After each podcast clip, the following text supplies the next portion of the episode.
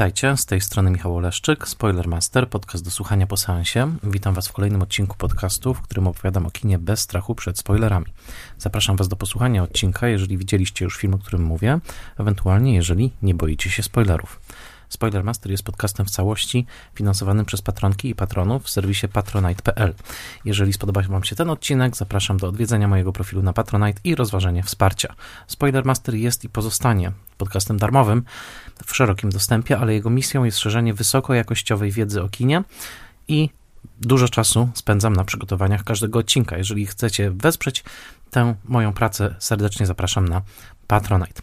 Szczególnie dziękuję moim patronkom i patronom imiennym, a zatem Michałowi Hudolińskiemu ze strony Gotam w deszczu, Agnieszce Egeman, Odiemu Hendersonowi, Beacie Hołowni, Annie Jóźwiak, Tomaszowi Kopoczyńskiemu, Bartkowi Przybyszewskiemu, autorowi bloga Liczne Rany Kłute, na którym przeczytać można o kinie, komiksie, internecie i telewizji, Konradowi Słoce, Mateuszowi Stępniowi, Jerzemu Zawadzkiemu i Tomaszowi Mączce, autorom podcastu Let's Make Movies, prezentującego ciekawe analizy filmowe i tu przypis.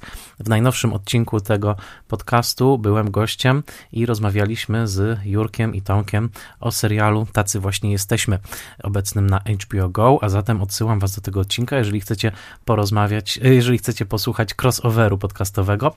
Dziękuję także blogowi Przygody Scenarzysty, e, prezentującego analizy scenariuszowe, a także Fundacji Wasowskich, dedykowanej ochronie spuścizny Jerzego Wasowskiego i wydającej książki Grzegorza Wasowskiego. Ogromnie dziękuję im wszystkim, a także wszystkim, którzy wspierają ten podcast i wszystkim, którzy go słuchają. Dzięki Wam podcast może trwać i co tydzień mogę dostarczać Wam nowe odcinki. Obecnie w serii Spoiler Master Classic opowiadam o klasycznych filmach. Często wracam do filmów, które mnie jakoś tam uformowały, zafascynowały w młodym wieku i po latach wracam do nich, zgłębiając ich historię, historię ich powstania, recepcji, znaczenia kulturowego i opowiadając Wam Mm, rezultaty moich poszukiwań. Dzisiaj zajmę się filmem, który nieźle wystraszył mnie za dzieciaka, podobnie trochę jak Egzorcysta Williama Fredkina, któremu poświęciłem także odcinek Spoilermastera, ale o ile Egzorcysta, o czym mówiłem wówczas, naprawdę mnie straumatyzował i to tak no, w zły sposób, tak Misery, bo o tym filmie mówię, Misery Roba Reinera z roku 1990 naprawdę mnie nastraszył, ale no, e, w taki ekscytujący sposób. To znaczy oglądałem ten film, to pamiętam bardzo dobrze, na malutkim telewizorze Sony Trinitron na piętrze domu, w którym dorastałem. W trakcie e, na dole rozgrywała się jakaś kolacja. Moi rodzice zaprosili przyjaciół i po prostu z nimi spędzali czas. Słyszałem śmiechy, odgłosy kolacji dochodzące z dołu. No oczywiście to był najlepszy możliwy czas, dlatego że wtedy dostęp do pilota i do telewizora był nieograniczony i co prawda obawiając się tego słynnego radaru, który mają wszyscy rodzice, a przynajmniej mieli go rodzice epoki telewizyjnej, być może w internetowej jest już inaczej, oczywiście obawiając się tego nagłego, przypadkowego wejścia do pokoju, wejścia idealnie e, wymierzonego dokładnie w jedyną scenę erotyczną w filmie albo w jedyną scenę brutalną w filmie i bojąc się tego, że rodzice zakażą mi oglądania thrillera pod tytułem Misery, jednak udało mi się obejrzeć ten film w całości. Obejrzałem go de facto przypadkowo. To był po prostu, przerzucałem kanały, pamiętam, był piątkowy wieczór, e, ewentualnie sobotni i obejrzałem ten naprawdę przerażający, wciągający niesamowicie, no po prostu bardzo ekscytujący, ale także e, e, no, e, szokujący pod wieloma względami film. I później po, po kilku latach on znowu był nadany w telewizji, wtedy go nagrałem na wideo i później okresowo do niego wracałem jako do thrillera, który uważam za naprawdę znakomicie skonstruowany i oczywiście oparty na wybitnej roli Kathy Bates w roli głównej, ale nie tytułowej. Pamiętajmy, że Misery to nie jest imię bohaterki tego filmu, za chwilkę o tym więcej. Otóż y, ten film z latami uzyskał w mojej głowie taki status złotego klasyka thrillera, filmu mm, pełnego napięcia, znakomicie skonstruowanego i dzisiaj chcę wam właśnie o tym filmie powiedzieć. Jak zawsze mój odcinek opieram na researchu, na przygotowaniu e, e, merytorycznym i jak zawsze wskazuję na źródła tego przygotowania. W przygotowaniu odcinka o Misery najbardziej pomógł mi sam powieściowy oryginał, oryginał Stephena Kinga, który przeczytałem dopiero teraz, y, po tych wszystkich latach. To jest, y, czytałem w wydaniu z roku 1991 wydawnictwa Amber w przekładzie Roberta P. Lipskiego, y, a także pomogły mi teksty Davida Saxa, obszerny profil Kathy Bates zamieszczony w New York Timesie, a konkretniej w New York Times Magazine 27 stycznia roku 91, tuż przed Oscarem dla Kathy Bates. Bardzo obszerny, bardzo ciekawy artykuł. E, skorzystałem także z artykułu Douglasa Kiseya pod tytułem Your Legs Must Be Singing Grand Opera, Masculinity, Masochism and Stephen King's Misery. Ten tekst został zamieszczony w roku 2002 w piśmie American Imago, a także korzystałem z źródeł internetowych i stron poświęconych historii kina. I no właśnie, powrót. Tak jak to zawsze w tych odcinkach spoilermasterowo-klasikowych, wracam do filmu, który kiedyś, e, no Mm, teraz już trzeba by liczyć 30 lat temu, 3 dekady temu, e, wywołał jakieś bardzo silne wrażenia we mnie i zastanawiam się po latach, skąd ten film trochę się wziął, tak? Jacy ludzie go zrobili, w jaki sposób on funkcjonował i jaki będzie funkcjonował, co znaczył wtedy, co znaczy dziś. Zapraszam Was na tę podróż z Misery Stephena Kinga z Jamesem Kahnem, Kathy Bates w rolach głównych, film w reżyserii Roba Rainera. Oczywiście na początku tej opowieści jest pisarz. Jest pisarz Stephen King, urodzony w roku 1947 w stanie Maine. No cóż mogę powiedzieć, poza tym, że czytałem zawstydzająco mało Kinga i tutaj w sukurs, czy w, właściwie z pewnym ratunkiem przyjdzie w ostatniej części odcinka znakomity mój gość, to znaczy wybitny polski pisarz Łukasz Orbitowski, który poza tym, że pisze fantastyczne książki, on sam, polecam wam na przykład Inną duszę, to w moim przekonaniu jego najlepsza książka, ale także Kult, e, troszkę nowszy, otóż Łukasz Orbitowski odwiedzi audycję. Łukasz jest jednym z nielicznych znanych mi ludzi, być może w moim kręgu jedynym, który przeczytał całego Kinga i jest z Kingiem w takim długiej relacji czytelniczej. Pisał piękne eseje o Kingu, między innymi po premierze Doktora Sen napisał taką krytyczną, a jednocześnie pełną miłości recenzję mm, e, w Tygodniku Powszechnym. Do, tej, do niej was także odsyłam. To jest tekst pod tytułem King, czyli Wuda. E, I jeżeli chodzi o Stephena Kinga, naszym przewodnikiem pod koniec będzie Łukasz Orbitowski. Nie będę w tym momencie streszczał życia Kinga, nie będę mówił o jego książkach i filmach. Po pierwsze, zawstydzająco mało ich czytałem. Po drugie, adaptacje znam, ale znam także ich wyrywek, dlatego że jest ich ogromnie dużo, zwłaszcza w ostatniej dekadzie adaptacji telewizyjnych powstało bardzo dużo. Powiem tylko to, co mnie interesuje i co przyda nam się do zrozumienia fenomenu Misery. Misery jako powieść została opublikowana w roku 1987 to jest ten czas w połowie dekady, mm, kiedy e, Stephen King e, jest uzależniony mocno od e, alkoholu, także od mm, rozmaitych medykamentów, kodeiny i innych wcieleń. No, jest po prostu mm, człowiekiem głęboko uzależnionym i jego powieści, jego książki często stają się takimi alegoriami duszy w potrzasku, człowieka w potrzasku uzależnienia. Taką ogromną alegorią jest lśnienie z roku 1977 E, e, oczywiście zrealizowane w 80 roku jako film Stanleya, Stanleya Kubricka i taką metaforą jest także Misery. Misery, raz jeszcze powieść z roku 1987 opowiada o pisarzu Paulu Sheldonie, który jest bardzo poczytnym pisarzem bestsellerów e, melodramatycznych, e, takich wiktoriańskich romansów, powiedzielibyśmy w Polsce harlekinowych, e, które co prawda są nieprawdopodobnie poczytne na całym świecie i zapewniają mu dopływ stały milionów dolarów, ale jednocześnie Paul jest pełen pogardy dla samego siebie za to, że rozmienił swój talent literacki na drobne i tak naprawdę czerpie zyski z pisania dzieł, których sam nie szanuje. Powieściowa Misery e, zaczyna się od momentu, zresztą tak jak film, chociaż powieść to mocniej podkreśla, kiedy Paul kończy swoją e, powieść, w której uśmierca bohaterkę Misery, ową właśnie pojawiającą się w kolejnych powieściach Misery Chastain e, z amerykańskiego południa XIX wieku e, i e, w książce historycznie się śmieje, wznosi toast i cieszy się, że ją uśmiercił.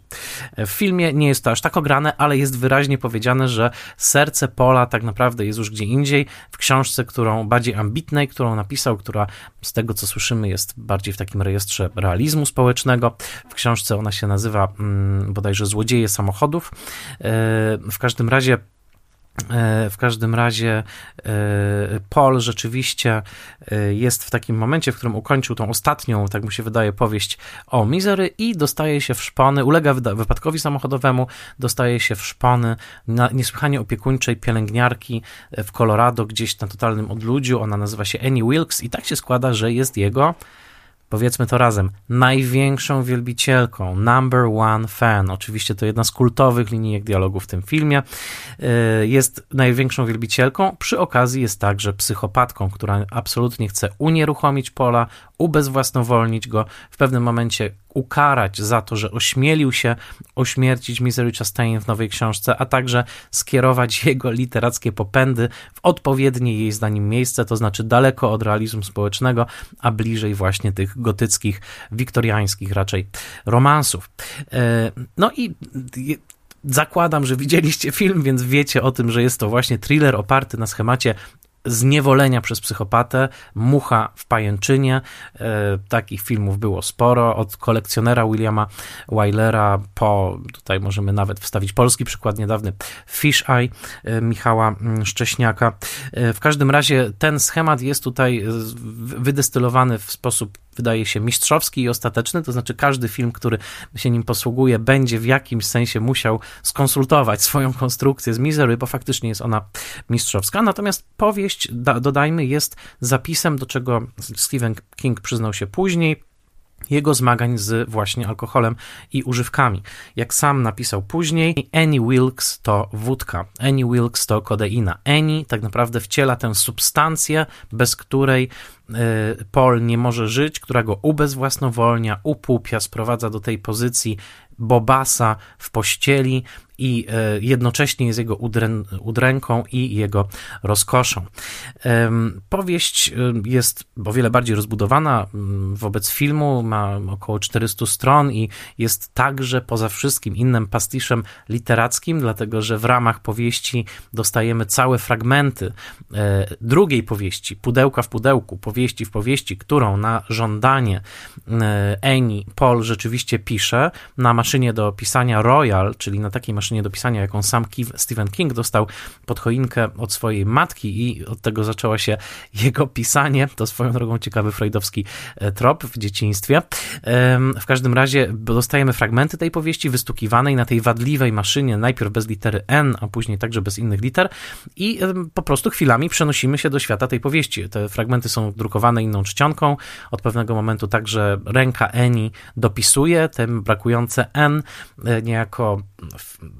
wchodząc, czy właśnie penetrując ciało tekstu tworzonego przez Pola, nie używam tych metafor po próżnicy, mnóstwo jest w tej e, powieści metafor dotyczących gwałtu, dotyczących jakby penetracji ciała przez niechcianą siłę, w tym przypadku penetracji ciała właśnie Pola przez Eni.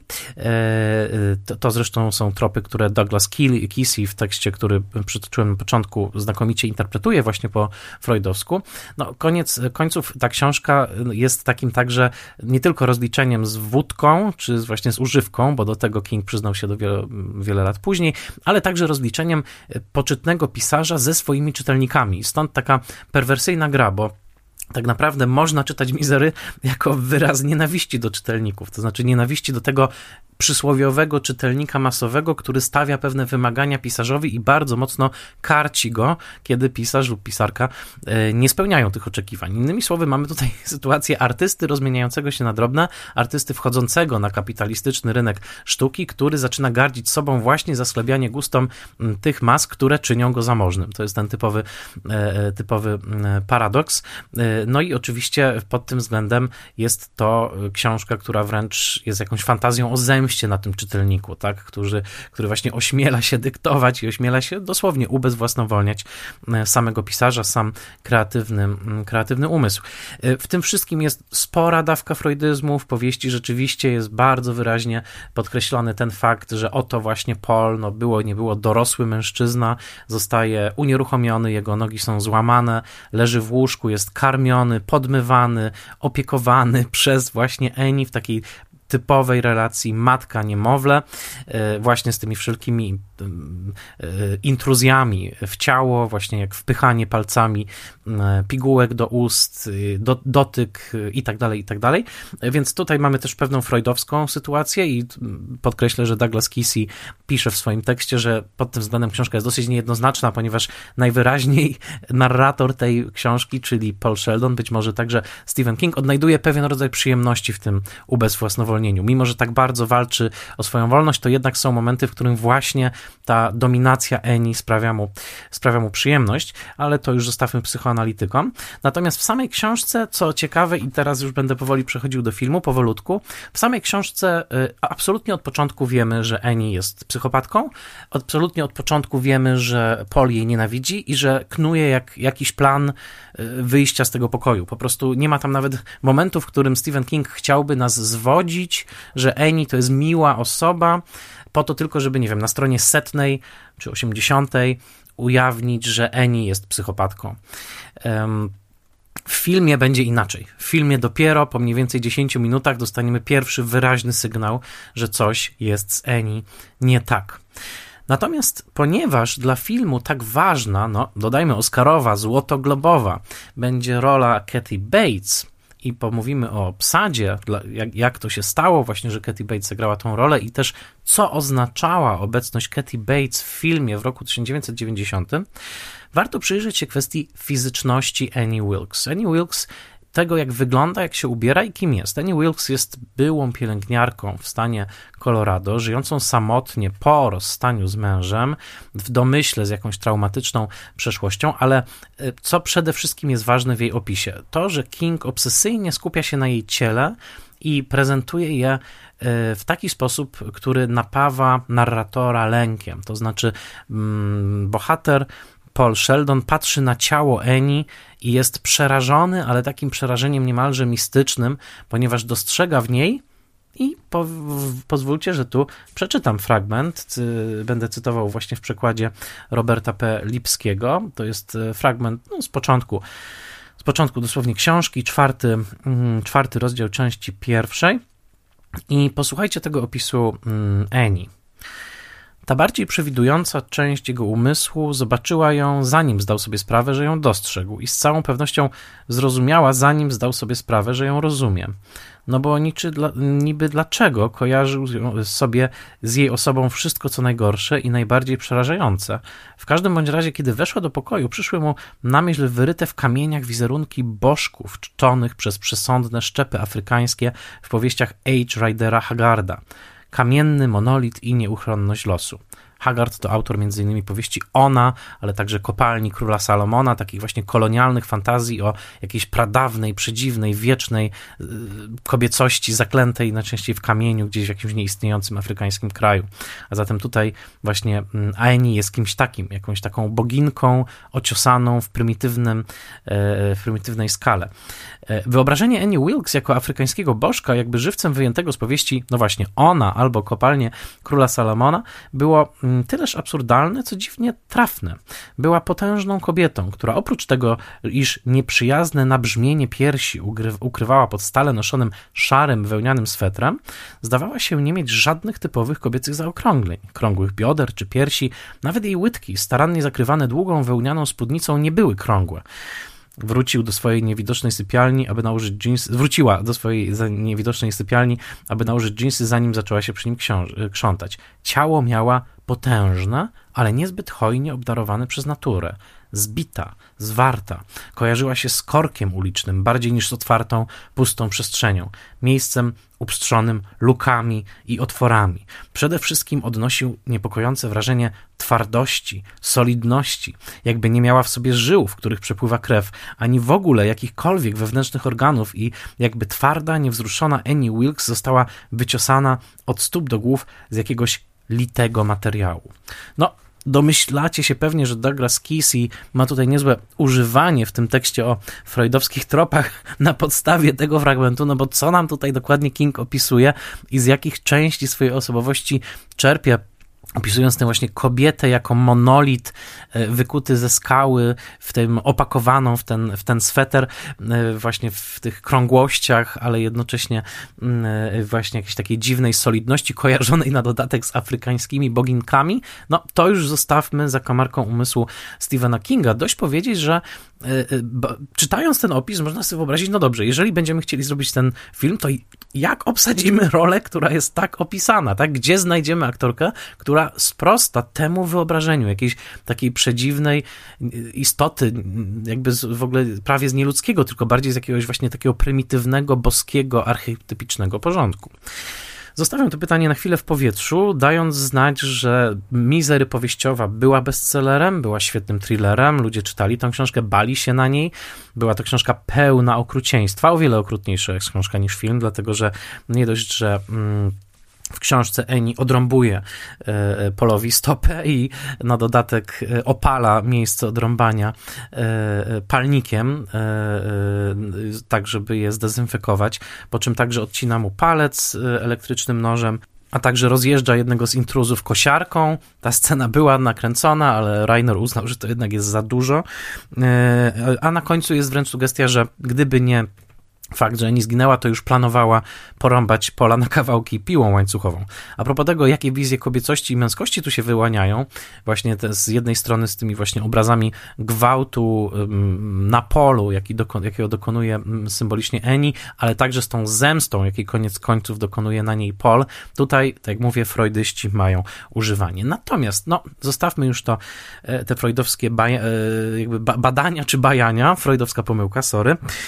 I Spójrzmy na historię tego filmu. Dobrze, 87 rok, bestseller, no to wiadomo, kino się tym zainteresuje. Rob Reiner, reżyser, którego znamy ze Spoilermastera, dlatego że w 89 roku podpisał Kiedy Harry poznał Sally, o którym nagrałem oddzielnego klasyka. Rob Reiner, który wówczas już działa w ramach swojej firmy producenckiej Castle Rock, e, e, zaczyna się interesować tą książką. Tą książkę podsuwa mu producer, mm, producent, jego kolega zresztą Andy Scheinman. Mm, Reiner nie chce tego reżyserować. Thriller to jednak nie jest taka jego mocna strona. Po mokumencie Oto Spinal Tap, po komedii The Sure Thing, no może nie, i po adaptacji powieści Williama Gibsona, e, Williama Goldmana, przepraszam, e, Narzeczona dla księcia z 87 roku, no taki krwawy thriller z mocną przemocą, może to, to nie jest najlepszy wybór dla Roba Reinera jako reżysera, a zatem on chce to produkować. E, no wiadomo, że to będzie potencjalny hit, tak, no Kinga. King z kolei nie chce za bardzo jej oddawać, bo nie jest zadowolony do tej pory z adaptacji swoich książek, ale bardzo mu się podoba film Roba Reinera Stań przy mnie, Stand By Me, e, który jest adaptacją opowiadania zawartego w mm, zbiorku Cztery pory roku i mówi, no dobrze, ja dam prawa do tej książki pod warunkiem, że Rob Reiner to wyprodukuje albo nawet wyreżyseruje. No i tak się rzeczywiście dzieje, chociaż najpierw mm, powstaje scenariusz. Scenarzystą jest William Goldman, e, laureat dwóch Oscarów za Bocza Cassadiego i Santanskida oraz za Wszystkich Ludzi Prezydenta, ikoniczne filmy lat 60. i 70., jeden z najbardziej wziętych w ogóle scenarzystów Hollywoodu, między innymi Maratończyk, no lista jest długa, ale także powieściopisarz i po latach E, e, wspomnieniopisarz, dlatego że jego książki o przygodach w Hollywood jako scenarzysty są także kultowe. Otóż William Goldman pisze scenariusz, Rob Reiner rozważa, kto by to mógł reżyserować i William Goldman, scenarzysta Butch Cassidy i Sundance Kida, Rob Reiner, fan kina lat 60., no Mm, mówią, no dobrze, to niech to wyreżyseruje George Roy Hill, który nakręcił właśnie Butcha Cassidy'ego i Sundance Kida, który jest bardzo sprawny narracyjnie. Widzę jego film Żądło, nakręcony w 1973 roku. No i może to właśnie on to zrobi. George Roy Hill przeczytał książkę, powiedział, że chce to zrobić, po czym na drugim lunchu, jak opisuje to William Goldman, a no właśnie, w książce, której nie wymieniłem na początku, a też była źródłem, mianowicie w książce Four Screenplays, e, w której każdy scenariusz Goldmana jest poprzedzony esejem. W pewnym momencie powiedział, chłopaki, ja tego nie zrobię, dlatego że nie wyobrażam sobie, że krzyczę akcja i widzę aktorkę odrąbującą nogę aktorowi. Oczywiście wiadomo, że na niby, ale jednak nie chce robić sceny tak brutalnej, nie chce robić sceny, w której, w której nastąpi takie straszliwe okaleczenie. William Goldman, który był wielkim fanem tej sceny, e, powiedział, że czytając książkę Misery, oczywiście podobała mu się i miał szacunek dla Kinga jako pisarza, ale powiedział, że najważniejsza dla niego była ta scena odrąbywania, bo powiedział, że czegoś takiego jeszcze nie widział i powiedział, że wiedział, że będzie to scena, o której wszyscy będą mówić. Taki trochę money shot, że ludzie będą mówili o tej scenie i będą chcieli ją zobaczyć. William Goldman złapał się za głowę i powiedział: George, o czym ty mówisz w ogóle? Przecież właśnie ten film powstaje dla tej sceny i ona wynika na dodatek z bohaterki. No, Annie jest psychopatką, tak? Więc co ten? George, George Hill powiedział nie. I w tym momencie Rob Reiner powiedział: No dobra, to ja chyba będę musiał to wyreżyserować. I teraz przedziwna i interesująca mm, historia, do, dowodząca tego, że w biznesie filmowym nigdy nic nie wiadomo i jakkolwiek chciałoby się intuicyjnie czasami stanąć tak bardzo partyzancko po jednej ze stron sporu i powiedzieć, że a, scenarzysta ma zawsze rację, albo a, reżyser ma zawsze rację, albo a, producent ma zawsze rację. Okazuje się, że najprawdziwsza jest mądrość Williama Goldmana, zawarta zresztą w jego wspomnieniach, mianowicie mądrość, która mówi: Nikt nic nie wie. W tym biznesie nikt nic nie wie. Wszyscy udają, że wiedzą, wszyscy zgadują, często mają świetne intuicje, ale żeby tak naprawdę wiedzieć, co wyjdzie, to nie wiadomo. Kto się pomylił w tym zestawie? Właśnie William Goldman, znakomity scenarzysta, który świetnie zaadaptował tą książkę i świetnie ją skrócił, znalazł jakby ten dramaturgiczny serce tej opowieści, ale trzymał się kurczowo sceny z obcinaniem stopy. Koniec końców to zostało zmienione wbrew jego woli. To znaczy, Rainer i, i, producenci pozostali uznali, że to jest za dużo i lepiej będzie, jeżeli Annie po prostu, po prostu, tak, zrobi tą najzwyklejszą na świecie rzecz. I nie, jeżeli Annie e, e, złamie nogi mm, mm, e, ponownie, złamie nogi Pola wielkim młotem, że to będzie wystarczająco mocne, ale nie sprawi, że całkowicie znienawidzimy tą postać. To znaczy, oni wyczuli, że tutaj jest o ten jeden centymetr, niemal dosłownie, za daleko, jeżeli chodzi o filmową reprezentację, i że to nie może być odcinanie no, nogi z krwawiącą, e, z krwawiącym i przypalanym kikutem, i postanowili, że będzie to, no właśnie, złamanie nogi. Koniec końców widzimy przez ułamek sekundy uderzenie młota o nogę i wykrzywienie tej nogi w bok. Jest to bardzo zmyślnie zmontowane. E, noga swoją drogą żelatynowa i, i, i takie to sztuczki. Natomiast e, efekt jest rzeczywiście świetny, dlatego że podbudowanie do tego jeszcze z sonatą księżycową w tle e, i tym takim powolnym, powolnym mm, dojściem do momentu, w którym następuje ten akt przemocy, no do, do dzisiaj można mieć gęsią skórkę, kiedy się o tym myśli ze strachu. E, I wracając do Williama Goldmana, on rzeczywiście napisał ten scenariusz. Bardzo blisko współpracowali z Rainerem. No, dopiero co mieli sukces w postaci narzeczonej dla księcia, to był rok 87. Adaptacja książki Goldmana z lat 70., jego scenariusz, ogromny sukces kasowy. No zresztą Rainer miał wtedy świetną, świetną passę, więc y, y, on to zaadaptował. W wersji było bardzo dużo, mówił, że przeróbki, kolejne wersje, sczytywania, kłótnie i tak dalej, i tak dalej, i tak dalej. I jednocześnie oni już powoli ten film w głowie obsadzali. Ogromnych problemów nastręczyło im obsadzenie roli męskiej, dlatego że nikt tego nie chciał grać. Dlaczego? Dlatego, że męskie ego jest na tyle duże, że aktorzy odmawiali, ponieważ mówili, że nie chcą całego filmu spędzić w łóżku, że chcą być bardziej aktywni, no bo jak będą konkurować ze swoją koleżanką aktorką, skoro będą cały czas przykuci do łóżka. Lista tych, którzy odmówili jest długa i zacna. Tam jest Dustin Hoffman, Kevin Klein, William Hurt był tym pierwszym aktorem, do którego się zwrócono. Richard Dreyfus chciał, ale nie mógł. Warren Beatty chciał i pewnym, jakoś to tam zniknęło, ten pomysł miał dużo kłopotów z kręceniem Dicka Tracy'ego, ale Warren Beatty bardzo też pomógł w drobnych przeróbkach scenariusza. Warren Beatty zresztą był bardzo znany jako taki nieoficjalny script doktor i Goldman przyznaje, że uwagi Beatty'ego były, mm, były istotne.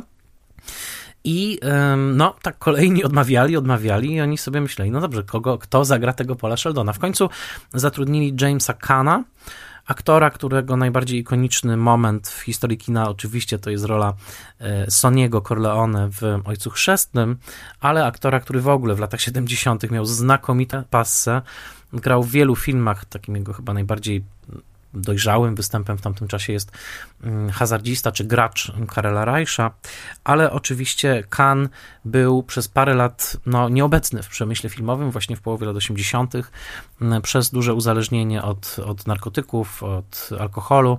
Od kilku lat już go prawie nie było widać i pod tym względem to był troszeczkę taki powrót do, do dużej ligi dla Jamesa Kana, właśnie ten film. Zresztą y, on bardzo już był świadomy tych swoich problemów, uporał się z nimi, ale także zdarzyło mu się na planie tego filmu przyjść po jakiejś takiej libacji, zagrać bardzo niedobrze w trakcie dnia zdjęciowego.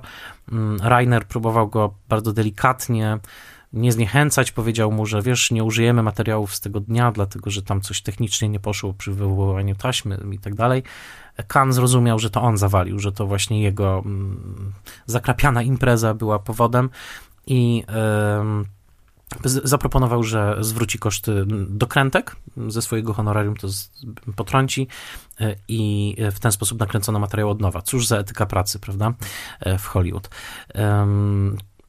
Więc y, Khan został wybrany do, do, do tej roli i teraz dochodzimy do roli żeńskiej, no do tej legendarnej roli żeńskiej aktorki wspaniałej Kathy Bates, która jest no obecnie, można powiedzieć, no z najważniejszych aktorek w historii amerykańskiego kina, wspaniałą nie tylko aktorką, ale także reżyserką, która wyreżyserowała bardzo dużo świetnych odcinków telewizyjnych, m.in. Sześciu stóp pod ziemią. No ale kim była owa Katy Bates i skąd ona się wzięła w tym filmie jak to się stało, że już w 1991 roku odbierała Oscara za najlepszą rolę żeńską. Jak to się stało? Skąd ona do nas przyszła? Kathy Bates urodziła się w roku 1948 na południu Stanów Zjednoczonych. W jej wywiadach, ilekroć się naprawdę wyluzowuje, słychać ten południowy zaśpiew. To jest taka właśnie córa stanu Tennessee. Urodziła się w Memphis, w rodzinie o bardzo długich tradycjach. To, to nie była jakaś tam przypadkowa rodzina. E, rodzina Batesów miała długie tradycje, tam korzenie sięgały Irlandii. Jej prapradziadek był prywatnym lekarzem prezydenta Stanów Zjednoczonych, Andrew Jacksona. Jej dziadek był e, prawnikiem, ale przede wszystkim e, autorem, dziennikarzem, autorem książek takich historyczno-biograficznych, między innymi słynnej książki, w której ukuł taką tezę, że zabójca Lincolna, John Wilkes Booth, tak naprawdę nie został schwytany i uciekł i miał się dobrze. Tak mówię to teraz bardzo w skrócie. W każdym razie bardzo wpływowa książka na, na początku wieku XX. No, rodzina o dobrych tradycjach, tak. Ona studiowała, e, studiowała w Dallas. Na początku chciała kształcić się w stronę filologii angielskiej ale y, koniec końców miłość aktorstwa przeważyła. I Bates, która zmagała się w młodości z depresją i jak sama mówi o sobie, była raczej smutną nastolatką, faktycznie odnalazła się właśnie na scenie. I to jest to, co niebywale podziwiam w aktorach amerykańskich, może po prostu w samych Amerykanach, ale wśród aktorów jest to bardzo widoczne. Y, kiedy obejrzycie sobie, a zachęcam do tego, żeby obejrzeć ten klip Oscarowy, kiedy ona odbiera Oscara w 1991 roku, Pamiętajcie, że patrzycie na kobietę, która na tym etapie pracowała niebywale ciężko przez 21 lat, żeby dojść tam, gdzie doszła. To nie było, jak to mówią Amerykanie, out of the blue, także ta kobieta się wzięła znikąd. Ona przyjechała z tego Tennessee do Nowego Jorku w roku 1970, w czasie kiedy to miasto się trochę rozpadało. E, było na pewno no, mniej bezpieczne niż jest dzisiaj. Bardzo jej się Nowy Jork nie podobał, ale zrozumiała, że musi próbować, tak? No i zaczęła powoli wykuwać sobie teatralną karierę. Zaczęła występować na Off-Broadwayu. E, pojawiła się także z latami w um, najpopularniejszej i najdłużej istniejącej telenoweli amerykańskiej, takiej mydlanej operze pod tytułem All My Children, gdzie grała postać takiej twardej lesbijki w więzieniu, bardzo brutalnie traktującej główną bohaterkę Erika Kane. Wpiszcie sobie Kathy Bates, All My Children i zobaczycie tę furię w roku 83, która się z niej wylewa w tej celi więziennej. No to jest ta furia, którą po latach zobaczymy też w Misery.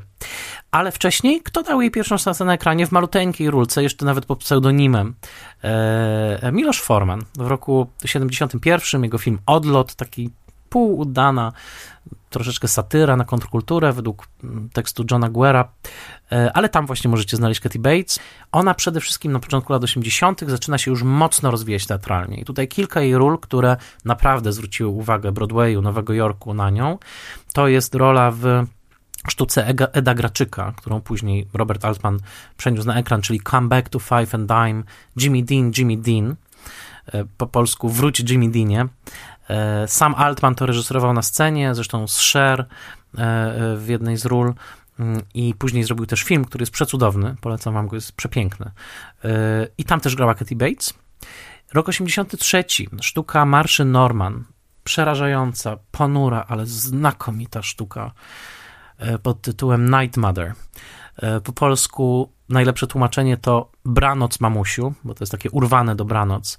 Grana w Polsce zresztą, mm, między innymi z Ryszardą Hanin, ale w roli matki, nie córki. Ostatnio Olga Hajdas wystawiła to właśnie jako Branoc Mamo. Przerażająca sztuka o kobiecie, która oznajmia rano swojej matce, że Jessie, tak się nazywa ta dziewczyna, oznajmia matce, że wieczorem popełni samobójstwo i jest całkowicie pogodzona ze swoją decyzją, dlatego że jej życie nie ma sensu i to cierpienie, którego doświadczyła, sprawia, że ona po prostu nie chce dalej żyć. Matka zaczyna się rzucać, mówić jak możesz i tak dalej, cały dramat. Natomiast przez całą sztukę ta dziewczyna emanuje, emanuje absolutnym spokojem i niemalże z uśmiechem na ustach mówi tej matce dlaczego. Co się takiego wydarzyło przez lata, że ona dzisiaj wieczorem to zrobi. I szokująco na końcu sztuki ona to robi.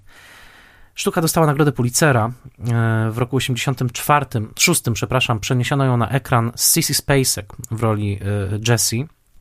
E, Katy Bates nie dostała tej roli, ale Katy Bates dostała nominację do nagrody Tony za to, jak sportretowała Jessie.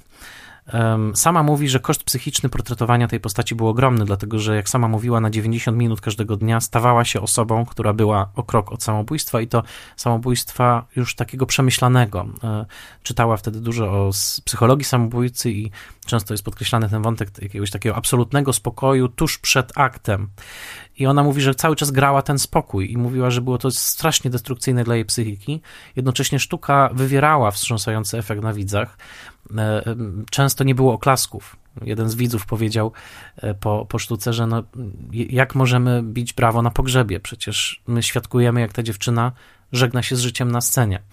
Ciężka rola, ciężka sztuka. Film jest taki sobie, natomiast polecam wam, jeżeli kiedyś będziecie mogli zobaczyć tę sztukę w jakiejś formie, warto się z nią zmierzyć, bo to jest, oczywiście nie jest to afirmacja samobójstwa, co zarzucano tej autorce sztuki, natomiast jest to po prostu portret dwóch kobiet w takim śmiertelnym uścisku i takiego nagłego zdawania, zdania sobie sprawy z tego wszystkiego, co nie zadziałało w ich relacji. Bardzo, bardzo przejmujące.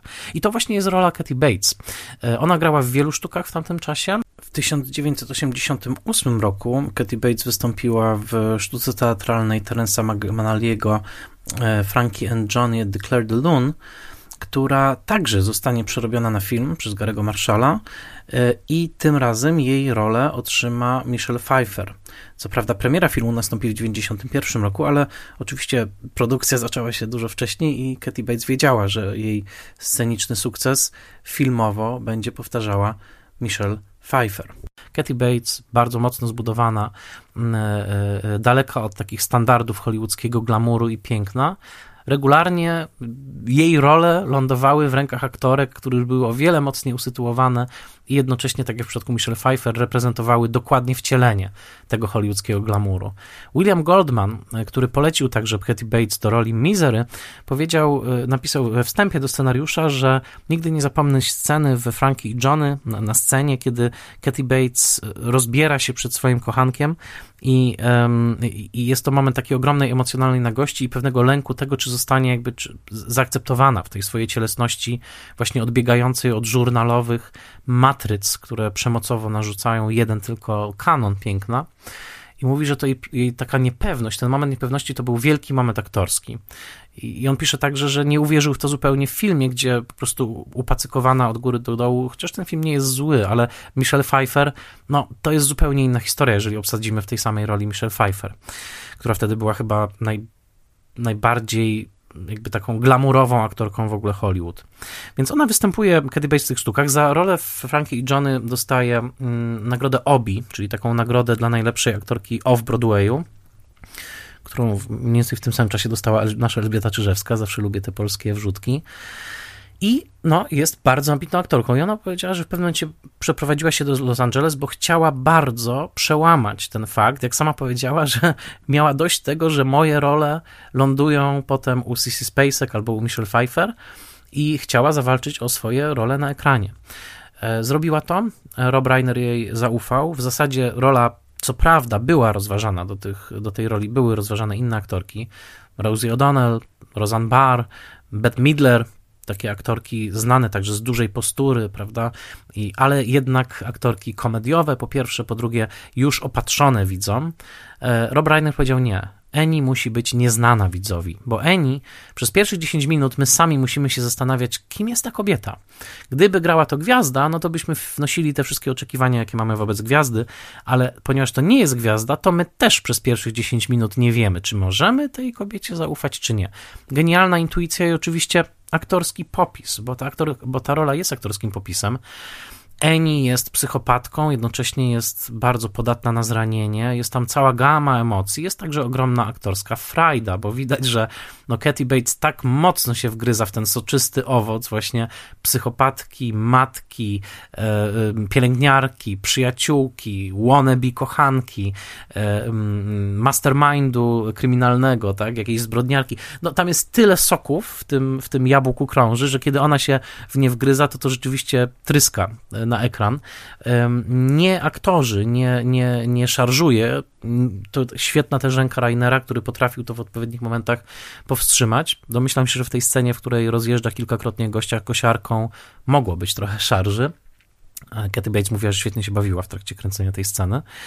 Mm, ale no właśnie, mamy, mamy tutaj tą całą gamę emocji w postaci, która de facto jest rolą z horroru, bardziej nawet niż z thrillera, bo Eni jest potworem, tak? My musimy koniec końców ją znienawidzić tak bardzo, że kiedy w końcu Paul mści się na niej i wpycha jej do gardła przypalony e, maszynopis swojej nowej powieści napisanej pod jej pręgierzem, no to my kibicujemy, tak? My chcemy, żeby on po prostu się tej potworzycy pozbył.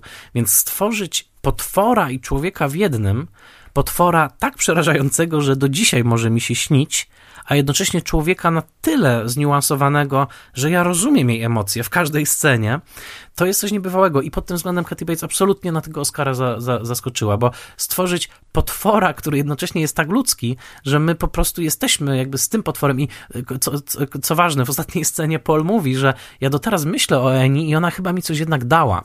E, zmieniła mnie jako człowieka i my w to wierzymy. On to mówi swojej agentce tutaj zagranej przez Lauren Bacall, gest Rainera w stronę kina lat 40., kina Howarda Hawksa, wspaniała Lauren Bacall, która swoją drogą w 1981 roku zagrała w filmie analogicznym, w filmie pod tytułem The Fan, w którym ona grała aktorkę broadwayowską, gdzie prześladował ją jej największy fan.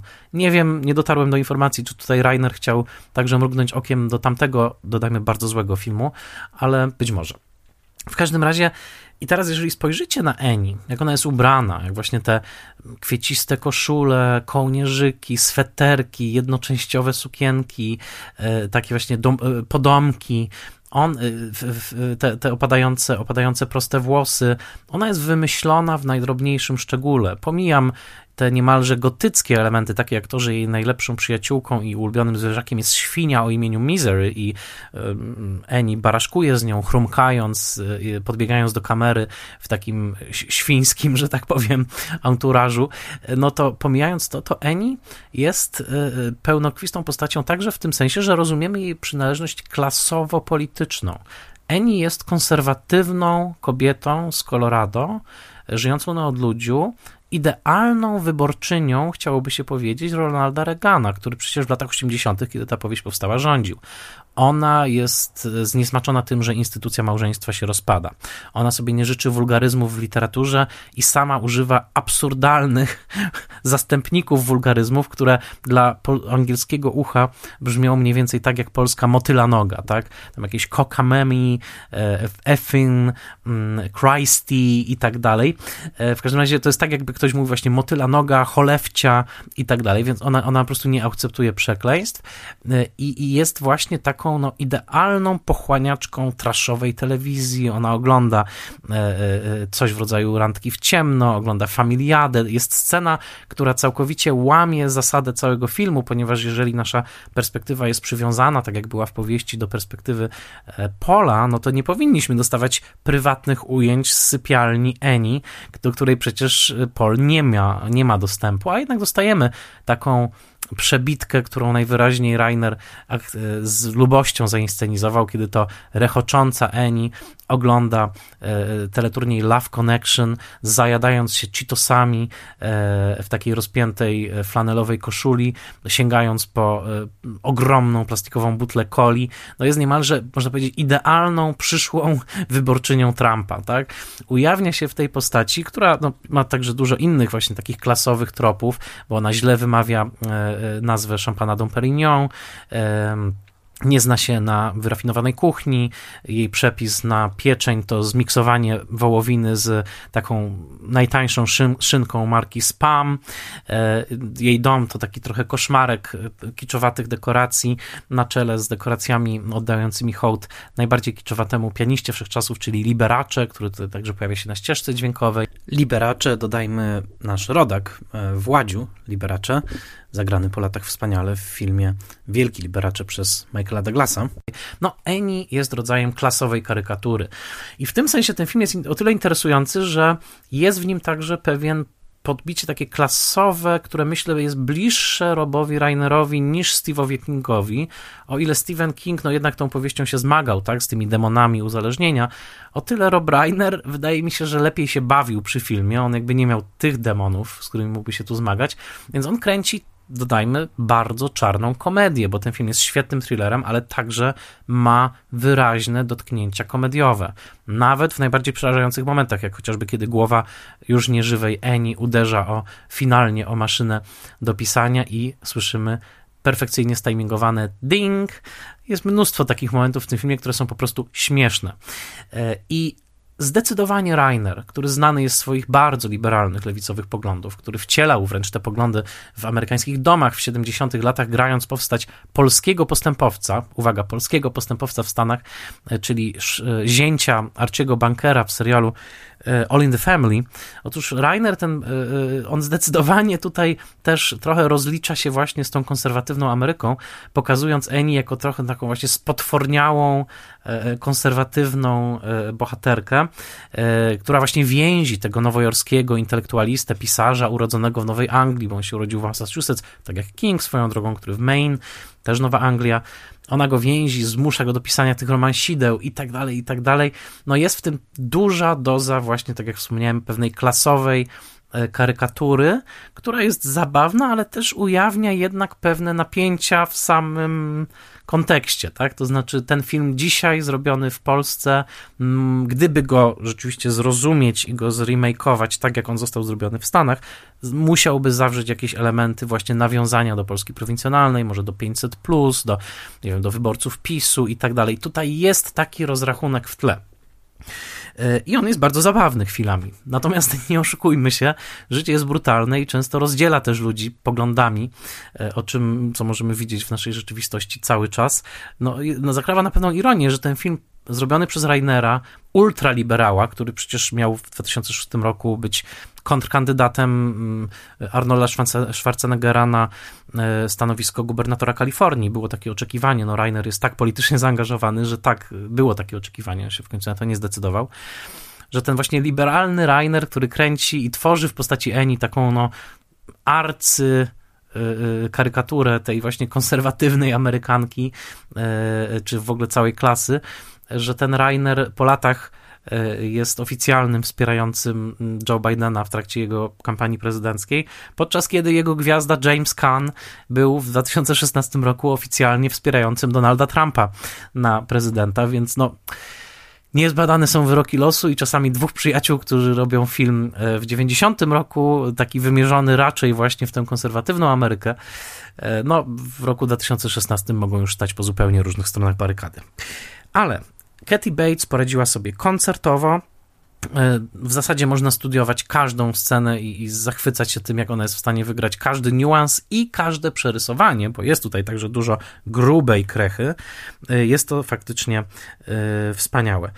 Film w pewnym sensie tak jak wspomniałem, jest rodzajem komedii, to znaczy jest rodzajem pojedynku charakterów.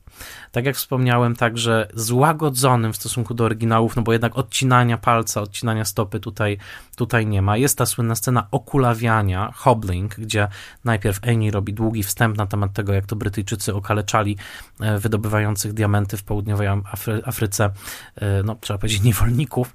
E, I ona właśnie mówi I will hobble you, to znaczy dosłownie okulawię cię, no i robi to w filmie oczywiście młotem, w książce w książce Siekierą, mm, ale koniec końców jest to także film, w którym pod względem konstrukcji e, bardzo elegancko przeprowadzony jest drugoplanowy wątek śledztwa. Śledztwa prowadzonego przez niejakiego Bastera, granego przez Richarda Fansworta, takiego właśnie sympatycznego prowincjusza. Takiego gościa, który, my go znamy oczywiście później, Fansworth zagrał w prostej historii Lyncha, ale który no, ni, swój rozum ma, jakbyśmy to powiedzieli naszym językiem, tak? Niby naiwny, niby jak rozmawia z tą agentką prasową, agentką literacką z Nowego Jorku, to wychodzi na takiego trochę głupka, ale tak naprawdę on potrafi rozwikłać pewną zagadkę, no cóż z tego, skoro Eni stoi za jego plecami ze spluwą. Misery odniosła ogromny sukces. To był wielki sukces kasowy. Szedł web w web w kinach amerykańskich w listopadzie i grudniu roku 90 z Kevinem samym w domu powiedziałbym tak, innym filmie o torturach fizycznych e, i też o pewnym osamotnieniu w domu, ale te filmy to były popularne filmy tamtego sezonu. Oscar dla Katy Bates, Złoty Glob i Życie po życiu, dlatego że film stał się filmem kultowym. Powstała wersja indyjska w roku 2003. Powstał musical powstał, chociaż to prawda nie taki głównonurtowy, ale już e, na głównym nurcie na Broadway, w głównym nurcie na Broadwayu wystawiono w 2015 roku sztukę Misery, napisaną przez samego Goldmana, w której e, Paula zagrał Bruce Willis, Laurie Metcalf, nominowana za tę, nagrodę, e, za tę rolę do nagrody Tony, wystąpiła jako, mm, jako Annie Wilkes. No i mamy także polskie wystawienie, chociażby w Teatrze Kwadrat. Robert Gliński wyreżyserował tę, e, tę sztukę, a zatem Mizery żyje w kulturze popularnej, Mizery e, nadal fascynuje, bo Mizery jest filmem, w którym główna postać, czyli Annie Wilkes, to jest taka potworzyca, od której nie możemy oderwać oczu. E, nie chcielibyśmy znaleźć się w jej szponach, a jednocześnie jest w niej coś z no niemalże naszej przyjaciółki. Właśnie no, czekamy na każde kolejne jej pojawienie się, zastanawiamy się, co ona tym razem wymyśli.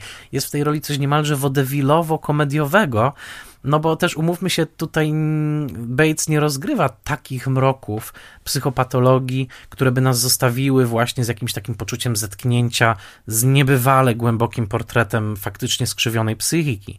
E, ta rola ma w sobie także ten komponent komedii, pewnego takiego wirtuozerskiego popisu, w którym aktorka potrafi przejść od ciepłego uśmiechu i właśnie tego uśmiechu karmicielki do absolutnej, szalonej jazdy od zera do setki w jedną minutę albo i mniej.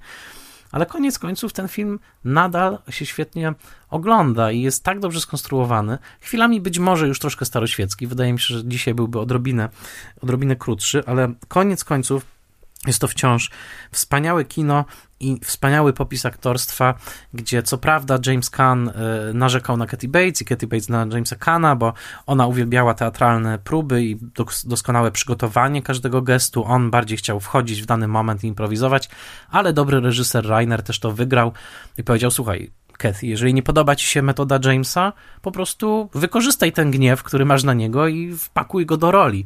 No, jeżeli tak rzeczywiście było, to znaczy, że Kathy Bates naprawdę musiała się złościć na Jamesa Kana, tyle powiem.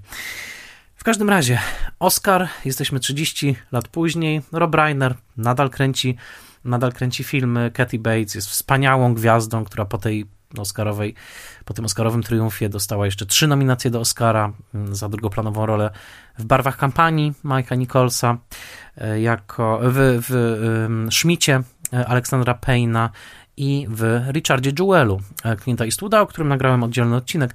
I na koniec warto stwierdzić, że o, o czym mówiła Bates już wtedy, właśnie w tych artykułach w New York Timesie i nie tylko, ona zdawała sobie sprawę, że oto nie tylko dostała Oscara jako pierwsza kobieta w historii za to, że zagrała no de facto w horrorze, tak? No bo jednak ten film wchodzi troszeczkę w domenę horroru, bo Eni wydaje się kimś jednak spoza ludzkiego porządku niemalże. W każdym razie ona mówi, że ona wiedziała, że przełamuje też stereotypy dotyczące ciała, dotyczącego kobiecego ciała. No jednak te jej pierwsze, największe triumfy teatralne na ekranie lądowały potem w rękach Sissy Spacek, w rękach e, e, Michelle Pfeiffer, mm, no, aktorek szczuplejszych, bar, ba, zbliżonych bardziej do tego glamurowego charakteru, chociaż oczywiście w przypadku Spacek to jest bardziej skomplikowane, mm, ale jednak to już była Oscarowa aktorka, tak w latach 80. za córkę górnika.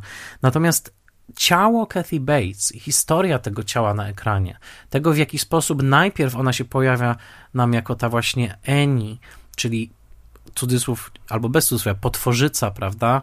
E, kobieta, która tak mocno dominuje mężczyznę, że on aż musi ją, że tak powiem, zarąbać maszyną do pisania w finale, poprzez rolę matron, jak w Titanicu, ale przede wszystkim poprzez, czy nawet w Richardzie Jewelu, ale także do ról kobiet bardziej podmiotowych, dla których ciało i ciało właśnie odchodzące od tych kanonów glamurowej doskonałości, tylko prezentujące się na swoich prawach, jest właśnie celebrowane.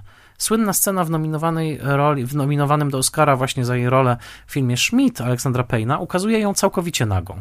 Ona jest w takiej scenie tuż przed kąpielą i, i ta scena była mocno komentowana, a jednocześnie wielu widzów przyjęło ją z ogromną radością, dlatego że sposób, w jaki Bates odkrywa swoją nagość, jest całkowicie naturalny i ona, jej historia to jest nie tyle historia jej zgody ze własnym ciałem, bo to by było e, upupiające, tak powiedzieć, ale to jest historia tego, że Hollywood zmienia swoje podejście do kobiecego ciała i e, e, czyni właśnie tę kobietę, która tak długo, właściwie przez dekadę, nie mogła dostać tych głównych ról, właśnie dlatego, że często na castingach mówiono jej, no wiesz, szukamy kogoś, kto wygląda trochę inaczej. Powiedziała, że zawsze te słowa bolały tak samo właśnie do statusu gwiazdy, która może już dyktować własne warunki, która, której wartość na rynku amerykańskim wycenia się na około 30 milionów dolarów na tym rynku filmowym, która jest reżyserką, producentką, e, czterokrotnie nominowaną i raz zwycięską w Oscarowym wyścigu i której ciało stało się także realnym e, e, elementem dyskursu w momencie, kiedy rak piersi zmusił ją w 2014 roku do potwójnej masektomii, o, czym ona i tweetowała, i mówiła, i zachęcała kobiety do badań. Więc ciało Katy Bates, tak skryte pod tymi swetrami, sukniami długimi, jeansowymi, zgrzebnymi w mizery, powoli, można powiedzieć, jakby wychodziło z tego kokona, tak jak wyszło na scenie teatralnej o wiele wcześniej, chociażby we Frankie i Johnem, i sprawiło, że sama kobiecość na ekranie także została, mm, była inaczej definiowana. Sam Stephen King był tak zachwycony tą rolą, że napisał oddzielną w ogóle całość dla, z myślą o Katy Bates, to znaczy powieść Dolores Claiborne, którą przełożył później Taylor Hackford na ekran. I Katy Bates na dobre i na złe już zawsze zostanie połączona w naszej głowie z postacią Annie Wilkes, i ten jej cudowny popis aktorski będzie jednocześnie znacznikiem jednego z najwspanialszych thrillerów w historii kina. A jak, gdzie w tym wszystkim Stephen King? Po co nam Stephen King? Na czym polega tajemnica Stephena Kinga? O tym już opowie nam mój gość, czyli Łukasz Orbitowski. To się musiało wydarzyć, dlatego że niesamowicie Cię podziwiam, oczywiście za wiele rzeczy, ale między innymi niesamowicie Cię podziwiam za to, że jesteś tą osobą, którą znam, która chyba przeczytała całego Kinga, albo prawie całego Kinga. Jak to jest dokładnie, powiedz? Ja nie wiem, czy to e, e, jest rzecz, za którą należy się podziw, bo e, przetrawienie tak wielu powieści tak bardzo różnej, najczęściej niezbyt dobrej jakości, chyba nie jest jakimś tam powodem do E, e, do szacunku, ale wiesz, King jest moją młodzieńczą miłością, e, bo jak miałem 13, 14, 17 lat, to myślałem, że uważałem, że nie ma na całym świecie lepszego pisarza niż Stephen King. Co tam Truman Capote i co tam Iwaszkiewicz. Wiadomo, wiadomo, że Kingu mistrz. I czekałem na jego nowe książki, jak gdyby z tego oczekiwania został mi taki zwyczaj, że E, zawsze kupuję albo zdobywam e, e, kolejne powieści Kinga, czytam je i złoszczę się, że mi się nie podobają. Ale, ale już nie mogę i teraz wychodzi nowa książka i, ją, i już do mnie, do mnie jedzie. Ja wiem, że ją przeczytam i że mi się nie spodoba i będę sarkał głupi ja, ale oby pisał jak najdłużej. A powiedz mi, za co go kochasz? Bo jednak to musi być miłość. Jeżeli było tyle rozczarowań po drodze, a jednak wracasz, to to jest jakaś miłość. Powiedz za co? No, no to, jest, to jest tak jak tak jak trochę z członkami naszej rodziny.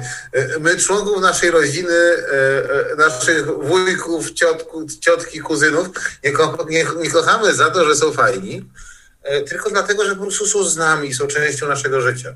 Prawda? I E, tak się złożyło, ja tego nie wybrałem, tak mi się takie karty wyjęło od życia, że e, King e, współtworzył, a nawet budował moją tak zwaną artystyczną wyobraźnię, bo rzeczywiście przeczytałem miasteczko Salem, przeczytałem przede wszystkim cmentarz dla zwierzątków, czy też cmentarz zwierząt, zależy od tłumaczenia i stwierdziłem, że ja też tak chcę. Mhm. No, I to był oprócz paru innych czynników ten, ten impuls, który mnie samego e, pchnął, e, e, pchnął do twórczości.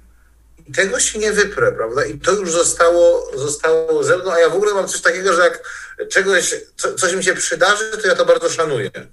Mhm. No, jeżeli coś, coś ważnego, ważnego stało się częścią mojego życia, to jeżeli nawet przestało być ważne, to ja się tej ważności nie wypieram. Ale za co E, za co ja lubię, lubię Kinga? Po pierwsze za stare rzeczy. Bo mi się również, wyobraź sobie, zdarza wracać do starych Kingów.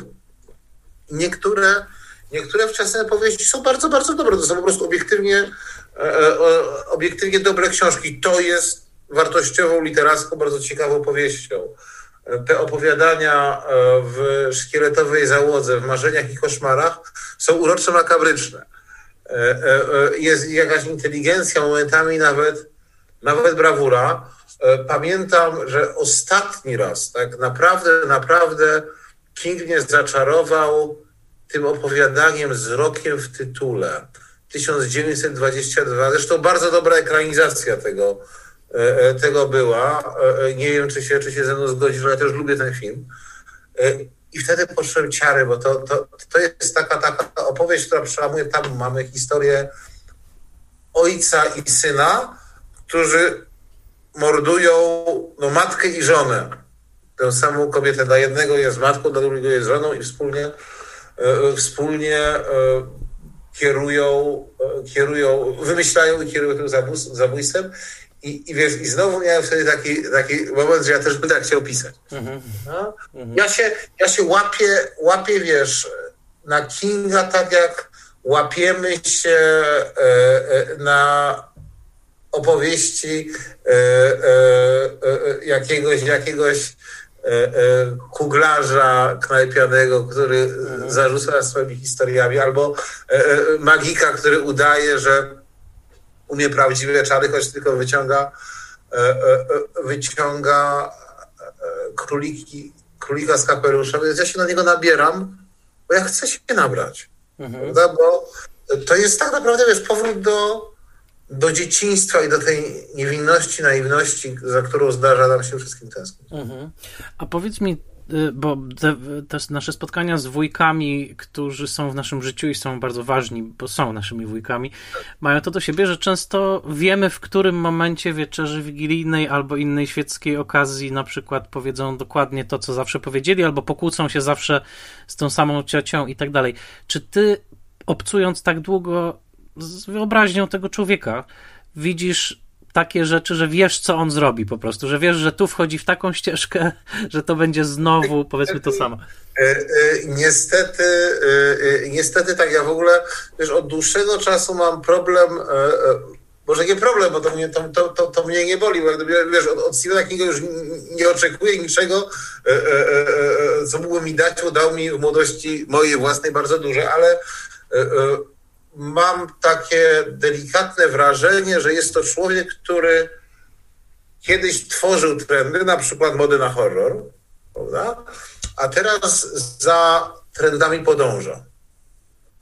E, jego przedostatnia powieść Instytut jest tak naprawdę wariacją na temat serialu Stranger Things. E, wcześniej próbował, może załapać to jest złe słowo, ale podpiąć się pod modę na kryminały. Mhm. Nie jest to już człowiek, który by ustalał nowe standardy, ale raczej zmyślny, zmyślny mm, mm, znawca rynku książki, który wie, co jest w tym momencie, mhm. co jest w tym momencie modne. I tak, on wpada, wpada w, w pozostaje, jak gdyby, jeżeli chodzi o konstrukcje fabularne, najczęściej niewolnikiem schematu, który już się pojawił w miasteczku Salem, a który na przykład był praktycznie nieobecny w Śnieju, że zbieramy drużynę fajnych ludzi. Mhm. To było bardzo widoczne w Outsiderze, to było bardzo widoczne w tej jego e, e, trylogii kryminalnej, kiedy e, e, schodzą się e, różnego rodzaju persony właściwie pozbawione poważniejszych wad. Prawda, że mamy tego starego detektywa, tu się e, e, e, przychodzi, przychodzi jakaś odklejona, odklejona, super inteligentna dziewczyna, jakiś chłopak o dobrym sercu i ta drużyna bohaterów bez skazy idzie, idzie naprzeciw złu. I to się robi po prostu, po prostu irytujące, zwłaszcza, że w którymś momencie, wiesz, nie ma, wiesz, kiedy czytałeś Lisienie, na przykład to zastanawiałeś się, czy Jack Torrance jest dobry czy zły, a potem czy, czy on wybierze dobro czy zło. No, czy zwycięży hotel i demon w hotelu, czy też e, e, miłość tego człowieka do rodziny. No w książce, w książce koniec końców zwycięża, zwycięża miłość do rodziny, bo, bo, no bo takie są reguły, e, reguły mm, popkultury. Ale w tych obecnych książkach to już nie mam jak gdyby żadnych żadnych wątpliwości od razu, bo, bo te wątpliwości nie mają, nie mają ci bohaterowie, oni po prostu idą za słuszną sprawą i tam się nie dokonują w nich żadne wielkie rozterki. Oczywiście ktoś, kto słucha teraz tego podcastu, e, przypomni mi, że w drugim e, e tomie trylogii o panu Mercedesie była taka scena, e, e, gdzie coś tam się działo, ale wiesz, też jak gdyby bardzo ważną może kluczową, może nie, ale niesłychanie istotną e, funkcją horroru jest opowieść o kuszeniu, o kuszeniu przez zło. Czym byłby na przykład film Egzorcysta, e, gdyby e, ksiądz Karras nie miał swoich wątpliwości? No? Czym byłaby zresztą na przykład powieść powieść Stephena Kinga o cmentarzu dla zwierząt, gdyby e, e, nasz bohater nie, e, nie zastanawiał się, czy może pochować własnego syna na tym cmentarzu, tylko po prostu tego nie zrobił. Mhm. I, tego, I tego jakoś tak po prostu, po prostu brakuje. U niego znika, mhm. znikają wraz ze starzeniem się odcienie szarości. Mamy białe, miały, mamy czarne pionki i one po tej kingowskiej E, e, kingowskiej szachownicy sobie śmigają. No są dwie opcje. Albo utracił jakąś moralną wrażliwość, albo pogodził się ze światem na tyle, że już nie targają nim te sprzeczności. No i teraz, że tak powiem, albo, albo, albo. Albo pogodzony, albo, albo znużony. Ja nie będę, ja nie będę wchodził w głowę. No, przede wszystkim no, to jest ta, ta przykra sytuacja, znaczy przykra. On już swoje napisał po prostu. No, I jak gdyby doskonale E, e, e, doskonale rozumiem, dlaczego, to, dlaczego dalej pisze, bo chce zarabiać pieniądze, a, a poza tym, jak sądzę, King bardzo lubi pisać. Mhm, mhm, mhm. W związku z tym pisze, pisze kolejne książki i natomiast nie wydaje mi się, żeby one miały jeszcze jak gdyby szansę, szansę coś tam mm, artystycznie zawarczyć. Ten facet nie otworzy kolejnych drzwi, bo już raz to zrobił, prawda? I trudno też od niego od niego oczekiwać e, e, w jego wieku i z jego dorobkiem, aby nagle, nagle odkrywał jakieś nowe lądy i redefiniował literaturę popularną na nowo. To już się raz stało i i okej. Okay. Jasne. Ja się nie, nie złoszczę. Ja, mi, jest, mi jest smutno, że nie mogę przeżywać tych emocji co kiedy. Mm -hmm. Rozumiem to. No, ja poznawałem Kinga głównie przez kino, no bo kino było dla mnie jakimś totalnym centrum świata i jak tak teraz o tym myślę, bo wracam do tych filmów kingowskich, przede wszystkim tych, które, które strasznie mi zryły głowę, tak? Bo to były rzeczy, które oglądałem, kiedy moich rodziców nie było w domu, kiedy właśnie było po północy, kiedy coś tam o 23 telewizja pokazywała i każdy z nich naprawdę głęboko mnie przeraził. Myślę o Carrie, myślę o Misery, myślę też o tych nieprzerażających filmach, ale które jakoś potrafią znaleźć ścieżkę do głowy, czyli Stand By Me z Shawshank, no, Skazani na Shawshank. Strasznie dużo tych opowieści, które mnie naprawdę poruszyły w dzieciństwie, to są opowieści, które gdzieś tam miały początek u, u Kinga, więc on, on musi coś wiedzieć o naszej psychice takiego, że no wchodzi do niej, no, zagnieżdża się tam. No, we mnie na zawsze zostają te, te, te, te historie, a Mizery był filmem, który no, straumatyzował mnie i zafascynował jednocześnie. Dopiero teraz przeczytałem książkę, właśnie przygotowując się do tego, do tego podcastu. Ja, ja tego nie zrobił, ja to czytałem, czytałem wiele lat temu, to czytałem 30 lat temu. Boże drogi, a, jak ten czas leci. A masz wspomnienie jakieś konkretne, albo z filmu, albo z książki? Gdzie ta Misery jest jakby w twoim kingowskim uniwersum? E, wiesz co, ja wspomnienia, e, e, wspomnienia dobre i dla mnie ta książka była bardzo, bardzo świeża, bo e, King tam, King tam zrezygnował z. E, znaczy, to jest bardzo, co tu dużo mówić, to jest bardzo kameralna rzecz. Mamy faceta, obłąkaną kobietę i relacje między nimi. On jest więźniem, ona e, opiekunką i oprawczynią. I tyle. Ja pierwszy raz czytałem taką książkę, tak mi się przynajmniej wydaje zamknięto właściwie w jednym. No miałem, miałem 14 lat, kiedy to się mhm. ukazało, więc co ja tam mogłem, e, e, mogłem przeczytać. I, i, I, zobaczyłem, jak wiele można ugrać, e, po pierwsze, operując relacją z dwojgiem, z dwojgiem bohaterów, jak wiele można zrobić, wchodząc do wnętrza bohatera, gdyż ten, ten, ten, ten Paul Sheldon, jeżeli dobrze pamiętam, pamiętam nazwisko, e, e, kmini i duża część książki rozgry, rozgrywa, znaczy to są wszystko jego wspomnienia, prawda, to jest pierwszy raz zapisane, ale duża część książki rozrywa, rozgrywa się w jego głowie, e, wśród jego wątpliwości i także, jeżeli dobrze pamiętam, momentami on po prostu traci rozum. Razem, razem z nią. I to była jakaś, jakaś lekcja. I wiesz, jeżeli człowiek przeszedł z miasteczka Salem, czy z powieści Mastertona do świata mizery, to było to coś, e, to było to coś nowego. Mhm, mhm. 14 lat mówisz, kiedy, kiedy czytałeś, czyli miałeś taką tak, tak. przerwę od mizery, a powiedz mi film, wspomnienia z filmu Katy Bates no z Wielkim Młotem. Jeszcze, wiesz, ja bardzo lubię Roba Rainera. Rob Reiner zrobił jedne, przynajmniej dwa moje ukochane filmy, mam tu na myśli Spinal Tap przez ciebie Stand By Me, oczywiście Spinal Tap. To są, to są bardzo, bardzo dobre rzeczy, a, a ta, ta, ta, ta, jego, jego adaptacja Mizery, wiesz, mi najbardziej brakowało odrąbywania nogi. Tak to widziałem po raz pierwszy, bo tam jest, tam jest młotek w robocie, co jak sądzę było wyłącznie kwestią techniczną. Ciężko było chyba w tamtych czasach e, e, e, e zrealizować e, e, długie sekwencje filmowe e, o facecie, który nie ma nogi, a, a ją ma i, i wiesz, i tak naprawdę wiem, że to jest straszne, ale ja z tym filmem nie mam specjalnie żadnych emocji. To mhm, znaczy, mhm. on moim zdaniem jest bardzo poprawnym, porządnym przykładem sztuki filmowej ze wspaniałą rolą Katie Bates, która, która zdaje się Oscara za to drapnęła, jeżeli nie pamięć nie myli. E, natomiast jeżeli byś mnie zapytał o moje ukochane e, adaptacje Kinga, to e, Mizery nie poleci nawet na trzecim oddechu. Po prostu no, adaptacja, mhm. e, udana adaptacja książki zrealizowana przez dobrą ekipę z wybitną rolą, rolą główną. E, wszystko, wszystko gra i, i przepada. E, cztery gwiazdki na pięć, solidna recenzja. No, no, no, dobra robota, fajnie, super. Dobra robota. Ale powiedz mi taką rzecz, bo czytałem troszeczkę o samym odbiorze Mizery i o tym, jak wtedy pisano o tej książce, kiedy ona wychodziła. I widzisz, teraz już jesteś pis... strasznie to robi. Jesteś już pisarzem z dorobkiem, ale no miałeś 14 lat, to nim nie byłeś.